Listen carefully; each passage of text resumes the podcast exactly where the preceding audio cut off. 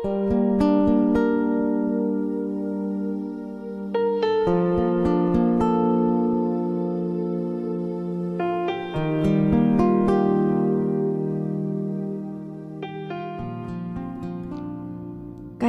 kesendirian membuat kita takut.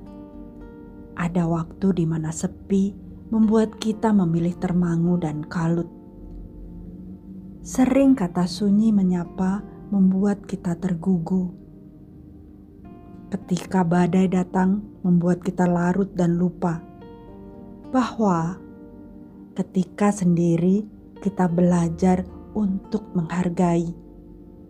Seiring saat sepi, kita punya waktu untuk bermesraan dengan doa meski dalam hati. Ada kala sunyi dalam badai yang terjadi adalah jalan untuk saling mengasihi.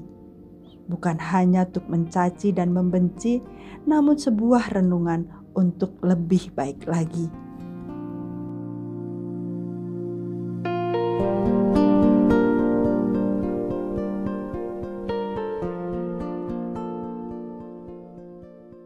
Saya Oktorina Basusyanti.